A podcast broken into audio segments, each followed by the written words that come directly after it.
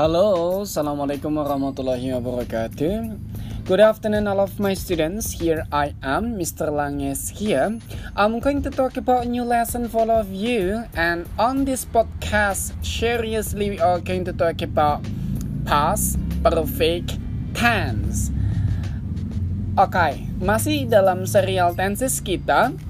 Kita kali ini akan membahas tentang past perfect tense. Mungkin sedikit lebih sulit ya dari sebelumnya karena kita akan memahaminya secara lebih complicated atau lebih kompleks daripada sebelumnya yaitu ada tense past dan perfect di sini.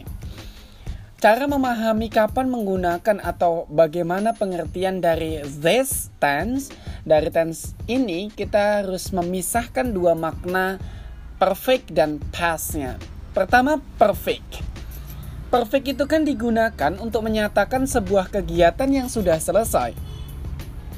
Jadi, semua tense perfect digunakan untuk menyatakan sebuah kegiatan yang telah selesai. Saya sudah makan, saya sudah tidur, saya sudah menikah dan sebagainya. Nah, terus kemudian ternyata di sini juga digabungkan dengan past. Berarti adalah sebuah tenses past perfect artinya adalah sebuah keterangan waktu untuk kegiatan-kegiatan yang telah terjadi pada satu titik waktu tertentu di masa lalu. Contohnya, aku sudah makan ketika kamu datang kemarin. Oke, okay, dalam ebook nantinya kamu akan saya berikan saya sudah berikan beberapa contoh di dalam ebook kamu. Jadi kamu bisa melihat di situ ada dua contoh yang aku berikan. When he came last night, the cake had run out. Ketika dia datang semalam, kuenya sudah habis. Oke, okay? kuenya sudah habis ini terjadi pada satu titik waktu di masa lalu, yaitu ketika dia datang di masa lampau. Pertanyaannya, apakah bisa digunakan dengan sederhana atau dengan satu kalimat saja atau satu clause saja begini? Aku sudah makan semalam. Nah, past perfect tidak bisa digunakan untuk menyatakan seperti ini. Karena kalau seperti itu nanti kita akan menggunakannya menjadi simple past saja. I ate last night. Gitu aja, bukan I had ate last night itu tidak bisa menggunakan past perfect. Past perfect harus ada dua kejadian di mana satu kejadian menjadi klausa waktu, yang kejadian uh, keduanya menjadi apa yang sudah selesai pada klausa waktu itu. Maka dicontoh di situ contoh yang kedua, I had taken a rest before you picked me up yesterday. Klausa waktunya adalah you pick me up yesterday ya. Sebelum kamu menjemput aku semalam. Oh, yesterday itu kemarin, sorry ya. Terus kemudian yang sudah selesai adalah I had taken a rest. Jadi artinya dari situ adalah aku sudah istirahat kapan sebelum kamu menjemputku kemarin. Nah, begitulah penggunaan dari simple past pengertian di awalnya. Kemudian simple simple past selalu dipasangkan dengan past perfect ya. Dengan past perfect begini. Jadi kamu harus ingat kejadian-kejadian atau tense yang digunakan pada simple past karena ini akan berkaitan dengan past perfectnya.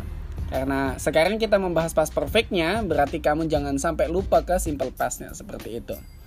Lanjut aja terus kemudian kita lanjut ke bentuk kalimatnya pada simple past ada nominal dan verbal seperti yang kita ketahui. Tapi pada past perfect kita akan sering menggunakannya adalah yang bentuk verbalnya saja. Sementara bentuk nominalnya sebenarnya ada tapi jarang sekali digunakan. Begitu. Identiknya pada tense ini dia akan menggunakan had plus verb 1. Had ini auxiliary yang didapatkan dari bentuk pasnya have. Kalau kamu ingatkan simple uh, pada present perfect dia akan menggunakan have plus verb 3. Pada past perfect, have-nya itu dipaskan menjadi had, verb 2, terus kemudian verb 3-nya masih tetap. Perfect dia akan selalu menggunakan verb 3. Hanya saja apakah dia ditambahkan have atau has kalau di present, ditambahkan had kalau itu di past perfect, terus kemudian nanti akan ditambahkan will have plus verb 3 kalau itu di future perfect seperti itu. Konsepnya akan selalu seperti itu, tidak akan jauh-jauh.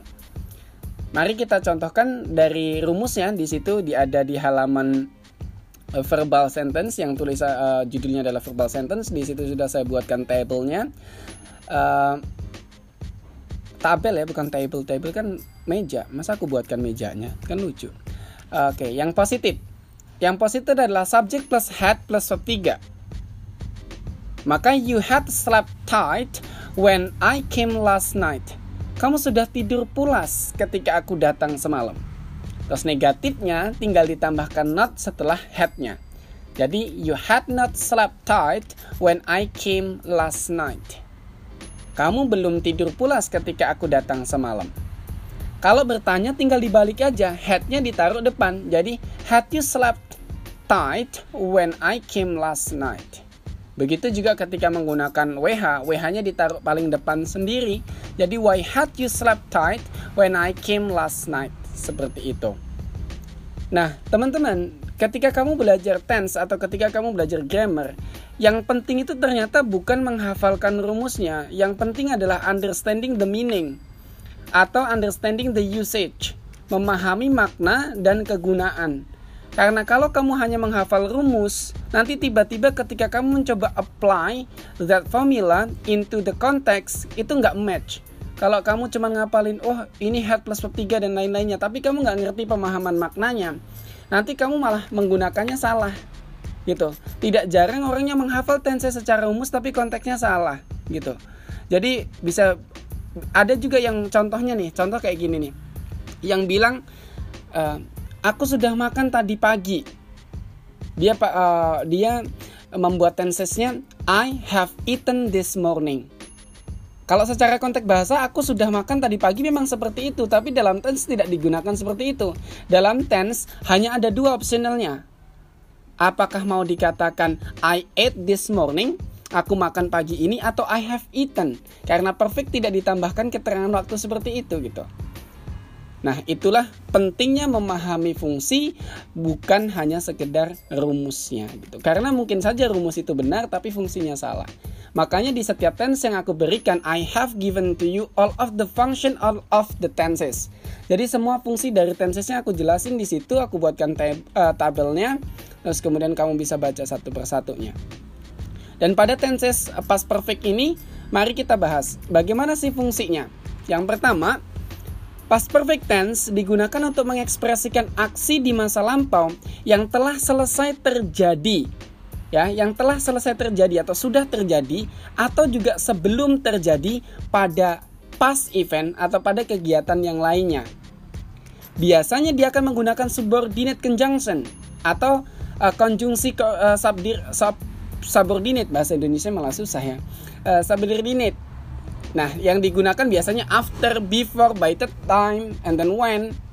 Kayak gitu. Ya sesudah, ya setelah, ketika kayak gitu yang dijadikan uh, penghubung untuk keterangan waktunya. Di contohnya ada When I came last night, the pizza had run out. Ketika aku datang semalam pizzanya udah habis when dijadikan subordinate-nya terus kemudian klausa sebagai adverb clause-nya adalah I came last night. Ketika aku datang semalam jadi keterangan waktunya. Terus kemudian inti kalimatnya adalah the pizza had run out. Pizza itu rasanya kayak apa ya? Nah kayak gitu. Ada juga contohnya I had already eaten dinner. By the time he picked me up. Oke. Okay? Aku sudah makan malam. By the time ketika he pick me up, ketika dia menjemputku. Artinya semuanya kedua ini uh, ter, sudah terjadi di masa lampau. Seperti itu di uh, fungsi yang pertama. Fungsi kedua, past perfect tense juga bisa untuk menunjukkan seberapa sering sesuatu terjadi di masa lampau. Time expression yang digunakan atau keterangan waktu yang digunakan di sini adalah frase adverbial of number. Jadi frequent waktunya apakah twice, two times, three times dan seterusnya. Terus kemudian yang digunakan bisa saja before sebagai subordinate-nya. Di situ contohnya twice before getting married, dua kali sebelum menikah. Atau two times before they got married, dua kali sebelum mereka menikah atau three time dan seterusnya. Nah contohnya tuh maksudnya ini seperti apa? Maksudnya tuh kayak gini. Aku sudah makan dua kali sebelum kamu uh, sebelum kamu datang. Itu bisa juga dikatakan kayak gitu. Atau aku sudah pacaran 365 kali sebelum menikah. Juga bisa digunakan seperti itu. Maka contohnya adalah I had finished the book three times before I read this review. Aku sudah menyelesaikan buku ini tiga kali sebelum membaca ulasannya. Keren banget kan? Atau they had met twice before married. Mereka sudah bertemu dua kali sebelum menikah. Ini temuan apa? Cuma dua kali langsung nikah. Ya, gampang banget ini. Apakah memang seperti itu seharusnya? Iya. Yeah. Lanjut yang ketiga. Yang ketiga adalah past perfect juga bisa digunakan untuk reported speech. Reported speech ini bagian juga dari uh, pengembangan tenses nantinya kalau kamu belajar uh, grammar yang advance dengan verb-verb yang identik seperti said ya, terus kemudian told, asked, thought, wondered. Itu untuk reported state, uh, speech. Apa sih reported speech itu tuh maksudnya kalimat report ya kalau dalam bahasa Indonesia. Jadi kayak contoh kata Mr. Lang besok sudah masuk ujian dan ini kayak gitu atau kata guru saya kemarin Pak Bambang uh, Yudhoyono kehilangan istrinya atau seperti apa kayak gitu itu reported speech artinya orang ketiga memposisikan sebagai pelapor daripada uh, sesuatu pernyataan atau kalimat yang dinyatakan oleh orang lain seperti itu reported speech di situ contohnya he said that he had listened carefully the instruction. Oke, okay. dia berkata atau dia mengatakan bahwa dia telah mendengarkan instruksi dengan penuh perhatian. Atau, I thought he had changed to be a better girl. Aku pikir dia telah berubah menjadi wanita yang lebih baik. Juga bisa seperti itu. Terus kemudian fungsi yang terakhir daripada past perfect ini yaitu digunakan untuk menyatakan if conditional clause atau kalimat pengandaian. Di kali ini tipenya tipe yang ketiga karena ada kalimat pengandaian itu kan ada tipe pertama, terus kemudian ada tipe kedua, ada tipe ketiga. Nah, ini yang tipe ketiga. If yang digunakan adalah past perfect tense, terus kemudian resultnya adalah future, past future perfect. Jadi contoh kayak gini. If you had decided to invite me, I would have attended your wedding party.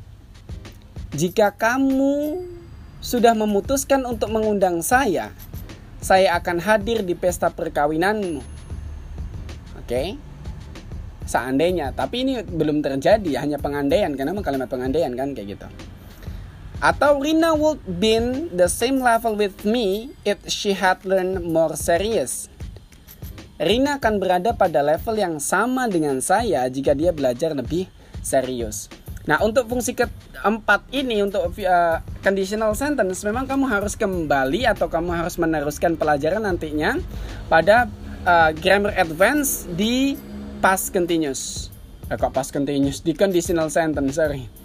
Nah, itu sih fungsi dari dan pembahasan dari past perfect continuous. Semoga what I have stated on my podcast here you can understand well. Semoga apa yang aku sampaikan kamu bisa mengerti. And then if you if you have any questions, feel free to contact me or to chat me or to ask me in our class or by private chat. As really enjoy, uh, joyful to help you sangat menyenangkan sekali uh, membantu kamu. So thank you so much and keep up, stay calm, and then don't forget to study more and more. Bye bye. Good to see you. Bye bye.